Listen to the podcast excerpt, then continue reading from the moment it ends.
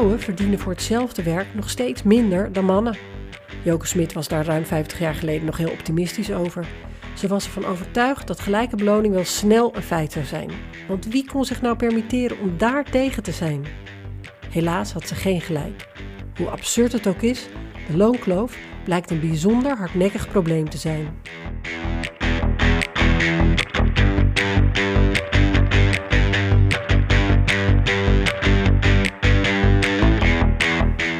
En dus verdienen vrouwen ook vandaag de dag nog steeds jaarlijks duizenden euro's minder dan hun mannelijke collega's.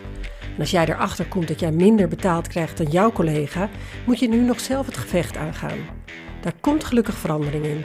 Want zowel in Nederland als in Brussel is er wetgeving in de maak die het het probleem van de werkgever maakt in plaats van jouw probleem. Maar waarom is het zonder wetgeving niet gelukt om dit op te lossen? En wat kan je in afwachting van een wet zelf doen?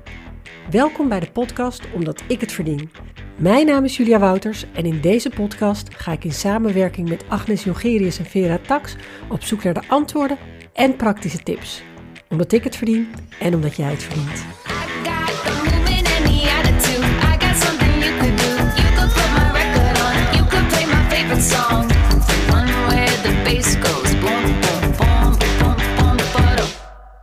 Nou, vandaag praat ik met Kitty Jong. Zij is vicevoorzitter van de FNV Vakbond. En ze heeft arbeidsomstandigheden en diversiteit in haar portefeuille. En op de website noem je gelijke beloning als een van jouw speerpunten. Dus je hebt je ook gekandideerd om de voorzitter van de FNV te worden. Dus je bent voor mij helemaal de juiste persoon om vandaag mee te praten. Kitty, welkom bij de podcast, omdat ik het verdien. Ja, dankjewel. Leuk om hier te zijn. Uh, voordat we ons gesprek beginnen, uh, begin ik altijd even met dit. Toen Joke Smit eind jaren 60 van de vorige eeuw haar essay Het onbehagen bij de vrouw schreef, verbaasde ze zich dat er nog altijd bedrijfstakken waren waar vrouwen met gelijk of gelijkwaardig werk minder verdienen dan mannen. Maar zij verwachtte op dat moment dat die achterstelling in Nederland wel binnen afzienbare tijd zal verdwijnen, want, zei ze, het gelijk loonprincipe is aanvaard en niemand kan zich tegenwoordig toch nog permitteren voor reactionair te worden versleten. Maar er is natuurlijk sinds de jaren 60 van de vorige eeuw heus wel wat veranderd. Maar we zitten nog steeds met een loonkloof van ruim 14 procent, waarvan een gedeelte van 6 procent onverklaarbaar is. Waarom is het toch zo ontzettend hardnekkig volgens jou? Nou, misschien is reactionair wel het nieuwe normaal. Ja, elk zinnig mens, mens zal zichzelf dezelfde vraag stellen. Hoe, hoe komt dat? Het zit helemaal ingeweven in ons arbeidsmarktpatroon. Dus het heeft diepere oorzaken, maar ook hele oppervlakkige van ja, dat er gewoon te weinig vrouwen erover gaan. Oké, okay, nou gaan we vast zo nog verder over. Heb je er zelf ook, ook ervaring mee gehad dat je het gevoel had of wist dat je niet gelijk beloond werd voor hetzelfde werk als een mannelijke collega? Om je de waarheid te zeggen, tot twee jaar geleden uh, dacht ik dat het mij nooit was overkomen.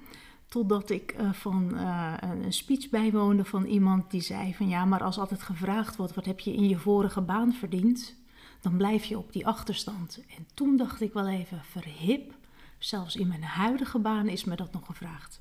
En dat heb je ook braaf overlegd, wat je de vorige baan had verdiend? Ja, plichtsgetrouw als ik ben, heb ik dat inderdaad overlegd. Oké, ja, dat is een instinkertje. um, nou, in deze podcast beginnen we altijd met een brief. En dit keer is het geen brief geworden, maar een nieuwsbericht over een zaak waar ook de FNV bij betrokken was. Laten we er even samen naar luisteren. Salarisdiscriminatie bij GGZ Delftland. Vrouw krijgt te weinig, man verdient meer. 16 juli 2020. Een vrouwelijke medewerker van GGZ Delftland heeft ten onrechte minder salaris gekregen dan haar mannelijke collega die hetzelfde werk doet. Dus maakt GGZ Delftland zich schuldig aan salarisdiscriminatie, zegt het College voor de Rechten van de Mens. Het college, een adviesorgaan dat discriminatie wil bestrijden, komt tot die conclusie na een klacht van de vrouw over ongelijke beloning bij haar werkgever. De vrouw is sociaal-psychiatrisch verpleegkundige bij GGZ Delftland. Een mannelijke collega die precies hetzelfde doet en in dezelfde salarisschaal zit, kreeg een toeslag waardoor zijn salaris hoger is. De vrouw vroeg om salarisverhoging, kreeg die niet en stapte via vakbond FNV naar het College voor de Rechten van de Mens. De vakbond staat de vrouw bij en gaat met de uitspraak op zak juridische stappen nemen om het misgelopen salaris terug te halen bij de werkgever. GGZ Delfland stelt ter verdediging dat de man een zogenaamde tijdelijke arbeidsmarktkrapte toeslag kreeg. Maar uit salarisstroken en uit zijn contract blijkt dat het een valse toeslag was. Omdat de werkgever niet goed kon uitleggen hoe en waarom de man die toeslag kreeg, zegt het college dat sprake is van salarisdiscriminatie. Want toen de man in dienst kwam, was er nog geen sprake van een arbeidskrapte, zegt het college. De vrouw had dus hetzelfde salaris moeten krijgen als haar mannelijke collega. In een reactie op de uitspraak van het college zegt de werkgever zich niet te herkennen in de uitspraak. Volgens GGZ Delfland is de toeslag zowel aan mannen als aan vrouwen toegekend en is sprake van een verschil in beloning tussen nieuwe en bestaande medewerkers. Wij hebben dit kenbaar gemaakt bij het college, maar het lijkt niet meegenomen te zijn in het oordeel, schrijft GGZ Delfland in een reactie. Nou Kitty, deze zaak is jou wel bekend. Hè? Daar hebben jullie inderdaad ook Ja. een rol in gespeeld. Kan je Ja. er wat meer over vertellen hoe de FNV daarbij betrokken was? Eh, dit is de dienstverlening die wij aan onze leden hebben. Dus eh, leden worden, wij, wij zijn niet alleen met de cao's bezig, maar we doen natuurlijk ook de individuele belangenbehartiging van de leden. Dus als leden zich met een, een probleem tot ons wenden, wat dat ook is op het gebied van arbeidsmarkt, werk en inkomen, dan eh, springen wij voor hen eh, in de bres. En op deze manier zijn wij via een van onze leden, die zelf ook vakbondsconsulent is bij haar bedrijf, eh, met deze zaak in aanraking gekomen. Het is nogal wat, hè? Deze vrouw heeft nu de zaak gewonnen. Maar ja, je werkt in een bedrijf, je doet je werk met veel plezier. En waarschijnlijk is je zaak aanhangig maken bij het College voor de Rechten van de Mens... is niet de eerste stap die je onderneemt. Hoe, hoe gaat dat, hoe is dit in deze zaak gaan en hoe gaat dat zo'n beetje?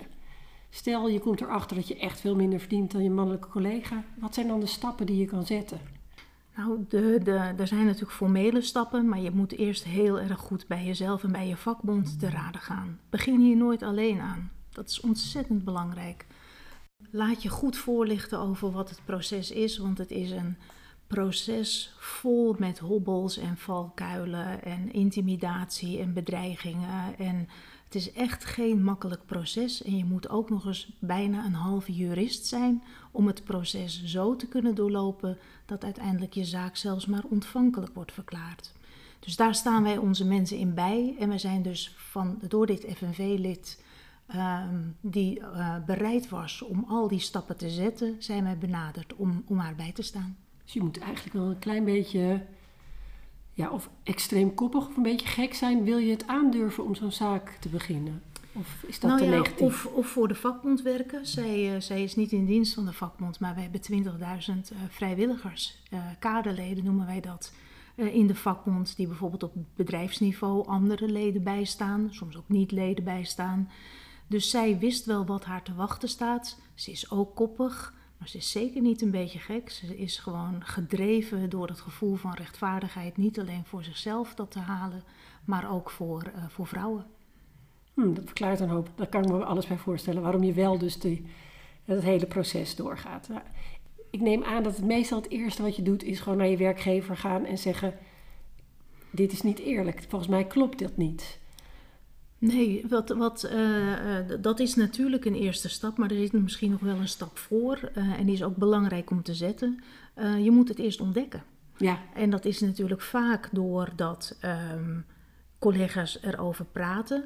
Hè, er wordt, wordt misschien niet altijd helemaal openheid van zaken gegeven, maar er wordt vaak natuurlijk wel gepraat van ja, in welke schaal zit jij dan? En wanneer krijg jij je periodieke bij? Dat soort algemeenheden wordt natuurlijk vaak wel gewisseld.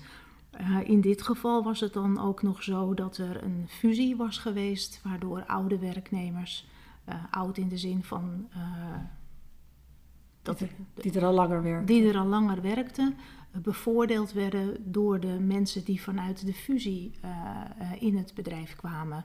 Daardoor kwam eh, eh, ons, ons lid daarachter dat er eh, een verschil in beloning was in algemene zin tussen de mensen die nieuw waren en de mensen die er al werkten. Daar is het balletje mee gaan rollen. Eh, daar heeft ze uiteindelijk, nou ja, is ze daarop door gaan vragen. En op een gegeven moment had ze echt concreet in de gaten dat er een mannelijke collega was die precies hetzelfde werk deed, ehm, die een vaste toeslag op zijn inkomen kreeg en in een andere schaal was beland.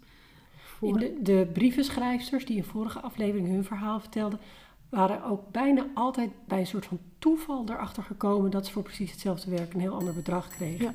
En dat was dan vaak ook in de meer informele settingen, dus eh, bij een borrel of op de treinreis terug naar huis of zo. Dan waren dit soort informatie. Ja. Dus, eh, Nou ja, in dit geval was het niet eens zo informeel, omdat er natuurlijk een fusie was geweest en zij ook in de ondernemingsraad zat. Ehm, dus op, op die manier achter, daarachter is gekomen. Ja, en dan begint die hele lange weg. ja, Van je eerst voornemen dat je er iets aan gaat doen, daar toch weer over aarzelen. Dan denken van nou, moet, moet ik daar wel aan beginnen? Dan de vakbond raadplegen. Dan alle stappen uittekenen die je gaat zetten. Nou ja, en dan spring je feitelijk in het diepe. ja. We hebben voor eh, eh, deze podcast, omdat ik het verdien, en de website en alles, hebben we ook een enquête onder mensen gedaan. En da- daar blijkt ook uit dat heel veel vrouwen het gevoel hebben dat ze eh, minder verdienden dan een mannelijke collega.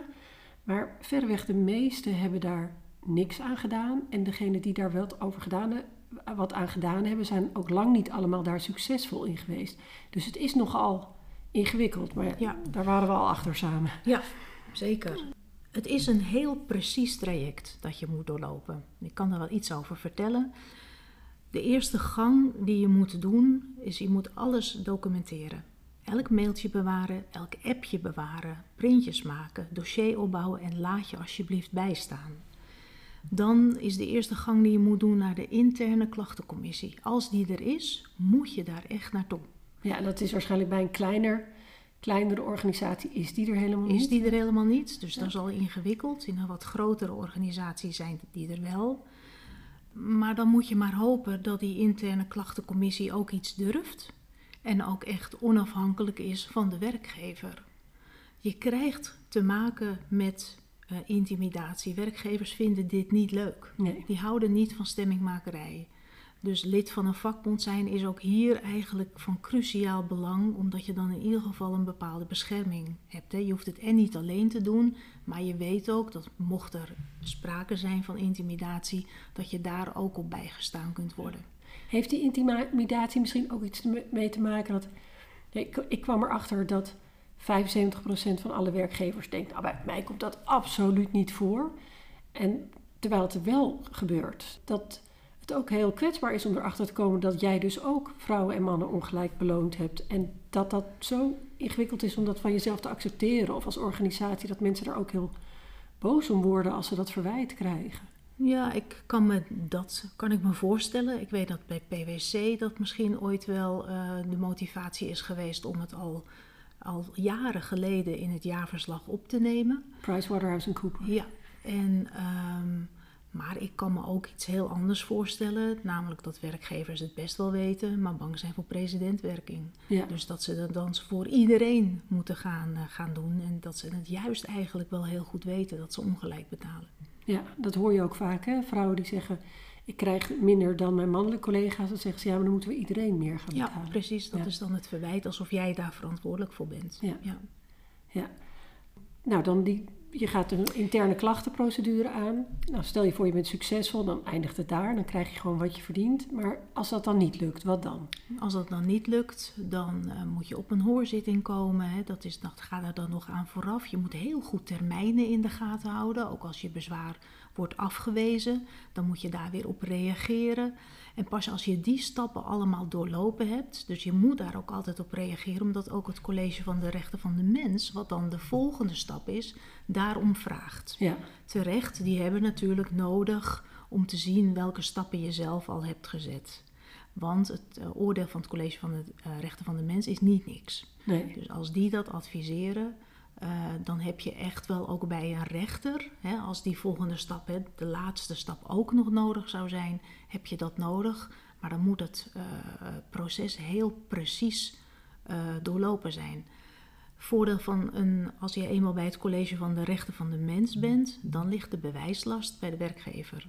Dat is in een interne procedure andersom. Ja. Dus als jij denkt dat je ongelijk wordt behandeld, dan moet jij aantonen dat dat zo is. Nou, dat is natuurlijk geen sinecure. Dat betekent natuurlijk ook, aan te, dan moet je dus ook het gevecht aan waarom je het waard bent. En dan moet, dat is ook voor veel vrouwen best wel Ja. ingewikkeld om te zeggen...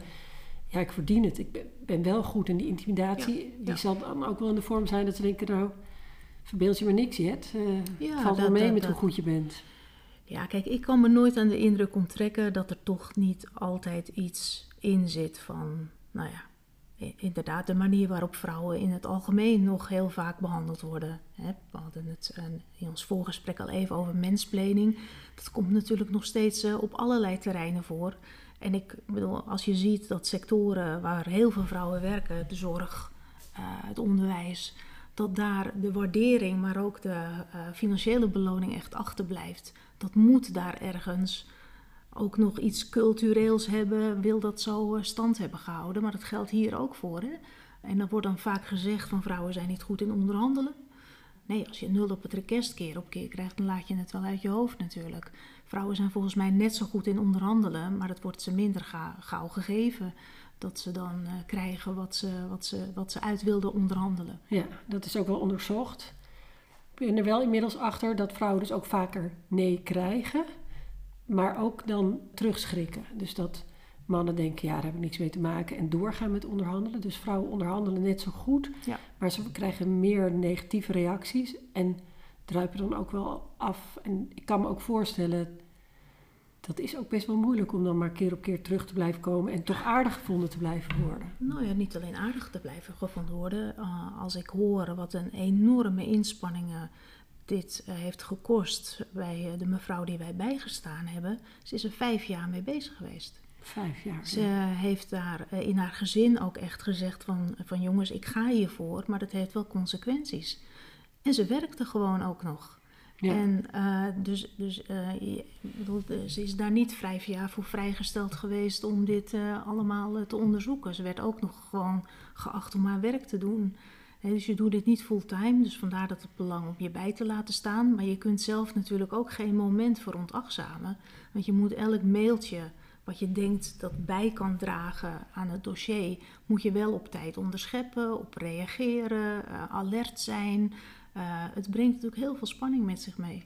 En als je nou niet lid van de vakbond bent, kan je dan ook bij jullie melden? Of doen jullie dit echt alleen voor leden? Nee, in principe doen wij dit voor leden, ja. ja. En als je nou tegen zoiets aanloopt en je wordt snel lid, kan je dan nog geholpen worden?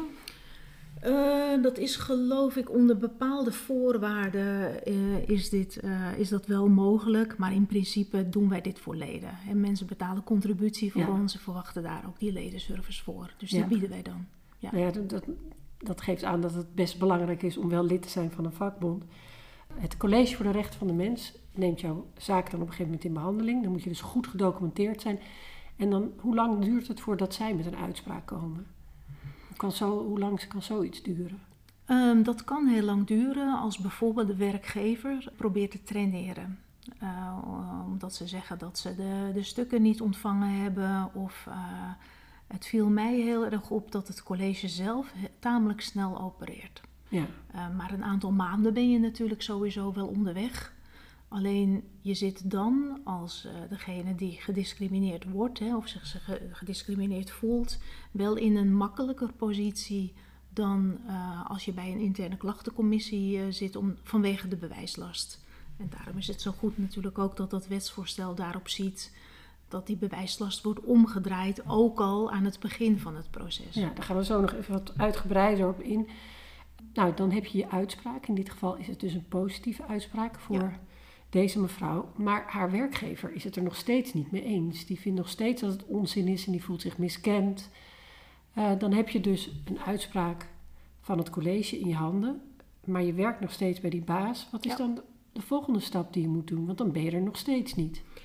Nee, kijk, we gaan er wel vanuit. Het college doet dat natuurlijk zelf ook. En daarom publiceert ze de uitspraken natuurlijk ook dat, uh, dat dit een zwaarwegend uh, oordeel is. Uh, ze, het college staat hierover volgens mij gewoon ook in de wet genoemd als het orgaan dat hier een uitspraak over doet. Dus het is niet niks. Nee. Dus werkgevers doen er goed aan om het over te nemen. Ik denk dat dat in de praktijk ook veel zal gebeuren. Maar als je werkgever er negatief uh, op reageert, dan heb je wel iets stevigs in handen om naar de rechter te gaan. Dus dan de laatste stap, het is een soort drietrapsraket, interne klachtencommissie, college rechten van de mens en dan uiteindelijk naar de rechter. En dat is natuurlijk wel afdwingbaar als je daar gelijk krijgt. Ja. En met een uitspraak van het college die positief is, is de kans daarop natuurlijk wel heel groot. Ja. En als we nou weer even terug inzoomen op de zaak van deze mevrouw. Krijgt zij nu waar ze, wat ze verdient of ehm, moet ze ook die volgende stap nog zetten? Ik denk niet dat zij de volgende stappen nog moet zetten. Eh, ik weet dat zij met haar werkgever goed in gesprek is. Dus ik heb wel eh, positieve hoop, of hoop op een positieve uitkomst. Oké, nou dat is heel fijn in dit geval. Maar soms eh, moet je dan toch nog die volgende Ja. stap zetten. Nou, dat lijkt me nogal wat. Het lijkt me ook emotioneel heel belastend. Je, je, je, je had het al even over de wetgeving. Hè? In de inleiding van deze podcast heb ik het ook over. Gelukkig komt er wetgeving aan waar de bewijslast be- bij wordt omgedraaid. Kan, kan jij uitleggen waarom dat in jouw optiek zo belangrijk is? Ja, het, het proces is natuurlijk nu gewoon veel te ingewikkeld. Je wordt gediscrimineerd. Eh, en dan kan je baas beroepen dat het niet zo is. Maar jij vindt dat je gediscrimineerd wordt.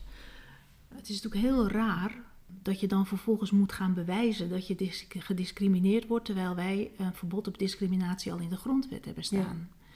En toch zit alle moeite aan jouw kant. Een ander onderdeel van het wetsvoorstel is natuurlijk de transparantie. Het is dus al heel lastig, en dat is hard nodig, want het is heel lastig om erachter te komen of je inderdaad minder verdient dan die collega. Je werkgever is nu niet verplicht om Nee, omdat. eh, nee, overzichtje te geven van wat je collega's verdienen. nee. Ook niet anoniem, gewoon ook- helemaal nee, niet. gewoon helemaal niet. Eh, er zijn gelukkig een paar bedrijven die het wel eigen beweging gaan doen. Meestal eh, is het dan nog in groepen van, hè, dus je hebt er nog, nog dan, dan ook nog niet eh, eens altijd iets aan. Maar het is gewoon heel hard nodig dat op persoonsniveau geanonimiseerd, maar wel per functie en, en, en, en per persoon wordt geduid wat er wordt verdiend. Dat geeft je natuurlijk al lucht, want dan weet je dat gewoon. Maar daarna is het dan nog steeds aan jou, aan, aan feitelijk het, nou ja, vrouwen zijn niet zo snel slachtoffer, maar aan het slachtoffer om dan maar te bewijzen eh, dat hier inderdaad sprake is van dat het dezelfde functie is, dat het dezelfde uren zijn, dat je ongeveer hetzelfde werk doet of helemaal hetzelfde werk doet. Dat is natuurlijk enorm onrechtvaardig. Ja. Het staat al in de grondwet dat het niet mag. Dus eh, geef mensen dan ook eh, de tools, de, de mogelijkheden om daarmee aan de slag te gaan als er van discriminatie sprake is. Nou zat ik mezelf te verdiepen in dit soort voorstellen. Hè. Dus eigenlijk tijdens de vorige kabinetsperiode was er al een initiatiefvoorstel van eh, Kamerlid eh Jucel. Nu ligt er weer een voorstel van Ploemen. Toch vind ik het opmerkelijk dat het steeds dus een voorstel is van een Kamerlid Ja. Vanuit de Kamer en dat een kabinet er niet zelf mee komt. Wat is toch de weerstand? Waarom is dit nou zo ingewikkeld? Nou, dat is bijna een gewetensvraag. Ja. Ehm, het is de, eh, wat mij betreft, als het even naar de actualiteit trekt, dezelfde reflex als waarom het kabinet nu niet bereid is om eh, zorgmedewerkers die in coronatijd eh, voor ons eh, de levens gered heeft, zal ik maar zeggen, eh, niet bereid is om met een structurele loonsverhoging over de brug te komen. Het is hetzelfde reflex als de bescherming van die zorgmedewerkers, allemaal, meestal vrouwen, niet op orde is. Hetzelfde reflex als dat die bonus nog steeds niet geregeld is. Eh, dat het onderwijs ook zo verschrikkelijk veel moeite heeft om aan loonsverhogingen te komen. Die sectoren waar vrouwen zitten, dus vrouwen in het algemeen op de arbeidsmarkt, hebben gewoon een achterstandspositie. Ze Ja. zitten vaker in flex. En het kan blijkbaar de bewindspersonen niet zo vreselijk veel schelen. Of ze leggen het verband niet en eh, dat, dat dit een, een diep gevoeld, fundamenteel issue is dat je aan alle kanten eigenlijk zou moeten, moeten oppakken. En dat het allemaal verband houdt met allemaal.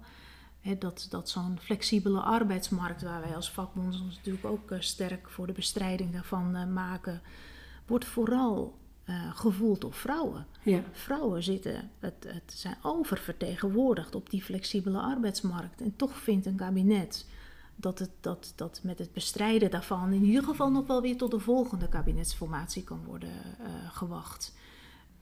Er zit iets neoliberaals, denk ik, in van dat er toch heel erg veel ook naar werkgevers geluisterd wordt. Want dit gaat natuurlijk meer kosten. Ja. Als je iedereen eh, gelijk wil belonen. Uh, dit gaat iets, als je het echt goed wil doen. En je doet niet alleen de. Uh, want de loonkloof is natuurlijk groter dan de discriminatie. Ja. Dat heeft natuurlijk ook van alles te maken met die flexibele arbeidsmarkt. En de minder uren die vrouwen over het algemeen werken. Meestal niet door hun eigen keus.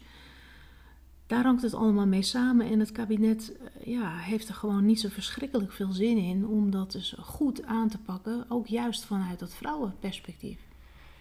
Het lijkt wel of de sectoren waar vrouwen in werken ook een beetje gezien worden als dat dat dingen zijn die nou eenmaal horen bij wat vrouwen leuk vinden om te doen. Mhm. Zorgen en met kinderen. Of Eh, sowieso al moeten doen, Ja, schoonmaken. ja en dat, Dat eh, ja, niet, niet vergeten. Ja. ja, dus de- dat soort sectoren dat dat eh, niet voor het echi is, maar gewoon dat dat al eh, natuurlijk uit vrouwen hun interesse voortkomt. Of een roeping, hè? Ja, Ja. ja. Eh, en dat zie je ook vaak bij vrouwen, hoe ze zelf over hun eigen werk praten dan weer terug. Dat ze, ik hoorde een zorgmedewerker die ook vertelde ja, dat ze het mooiste beroep van de wereld had. En dat geld natuurlijk belangrijk was, maar nou ook weer, daar deed ze het niet voor. En, en dat verwarren we dan vaak met dat je iets niet doet voor het geld, dat je er ook niet gelijkelijk voor beloond of eerlijk voor beloond moet worden. En dat is natuurlijk toch een heel ander vraagstuk. Maar dan ga ik mijn eigen stokpaardje bereiden. Nou, dus wat is er nodig om dit makkelijker te maken? Dat zei je al, dat is die wetgeving. Ik heb heel erg mijn best gedaan om de vrouw waar de- dit nieuwsbericht over ging, zelf ook aan, het- aan het woord te krijgen, om het zelf te horen. En dat wilde ze helemaal niet. Eh, kan je me uitleggen, eh, waar komt dat uit voort? Dat het toch zo moeilijk is om ook dan gewoon daarover te praten? Nou ja, kijk, vrouwen die dit overkomt, ehm, laten we wel zijn, natuurlijk zit in heel hoog opgeleide vrouwen en het hogere segment van de arbeidsmarkt komt dit ook voor. Maar daar hebben vrouwen meestal wel wat meer zeggenschap over hun eigen werk. En dan is het makkelijker om zo'n gesprek aan te gaan dan als je in een positie zit waar je gewoon werknemer bent, gewoon doorsnee werknemer zou ik maar zeggen, die over het algemeen ook niet zo vreselijk veel zeggenschap hebben over hun eigen werk. Eh, maar erger nog, dat als ze een keer wel hun vinger opsteken, echt wel te maken krijgen met hele vervelende situaties. Nou, tel daarbij op dat dit proces natuurlijk al heel lang geduurd heeft. Dat eh, eh, ze nog steeds heel erg blij is met het werk dat ze doet. En daar ook nog even in voort moet. Nou ja, dat bij elkaar opgeteld. Ehm, wil ze eh, zich niet, niet nu nog weer heel erg eh, naar voren treden om dit verhaal te doen. Oké, het is eigenlijk nog weer ook een argument waarom omgekeerde bewijslast en dat je niet als individu zo'n strijd hoeft te voeren. Nee, absoluut. Belangrijk is. Nee, dat is Ja. ontzettend belangrijk. Kijk, Ja. je moet gewoon zorgen dat je, dat je hierop bijgestaan wordt. Want zoals het er op dit moment nog voor staat, is het een tamelijk eenzame strijd. Ja. Eh, die, die, die je niet in de koude kleren gaat zitten, waar je echt wel tegen opgewassen moet zijn.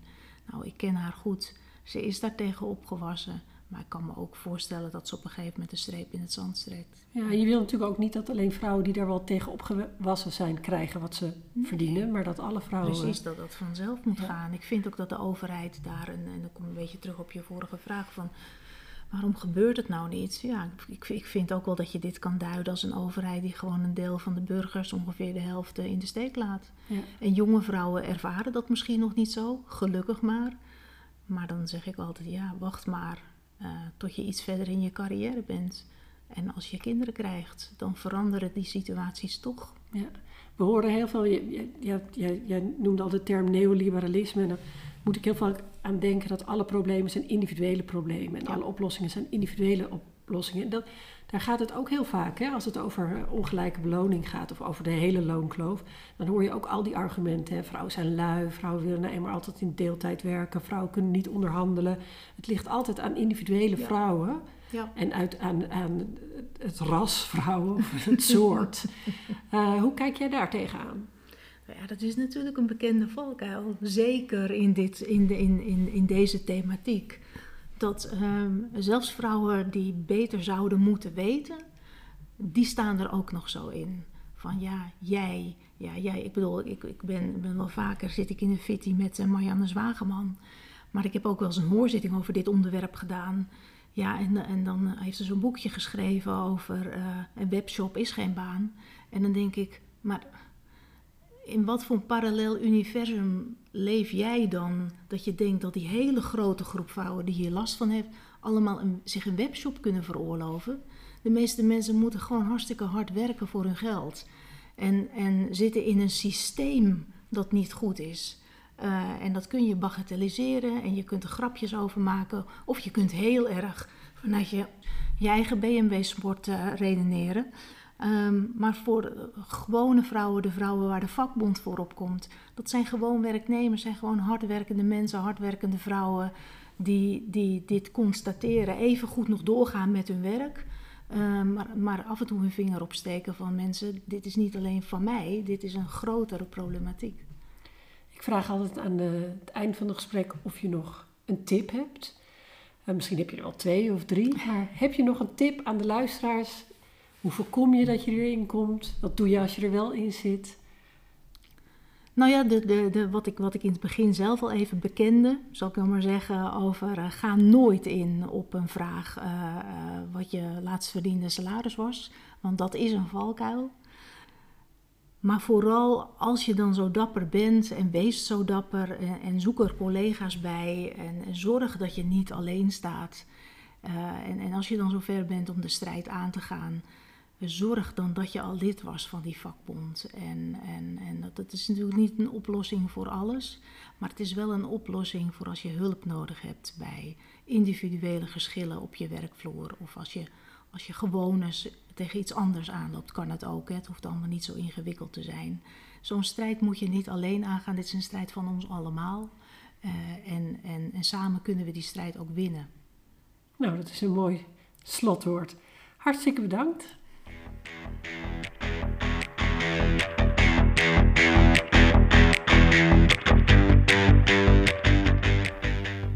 Elke aflevering delen inspirerende vrouwen hun verhaal of tip.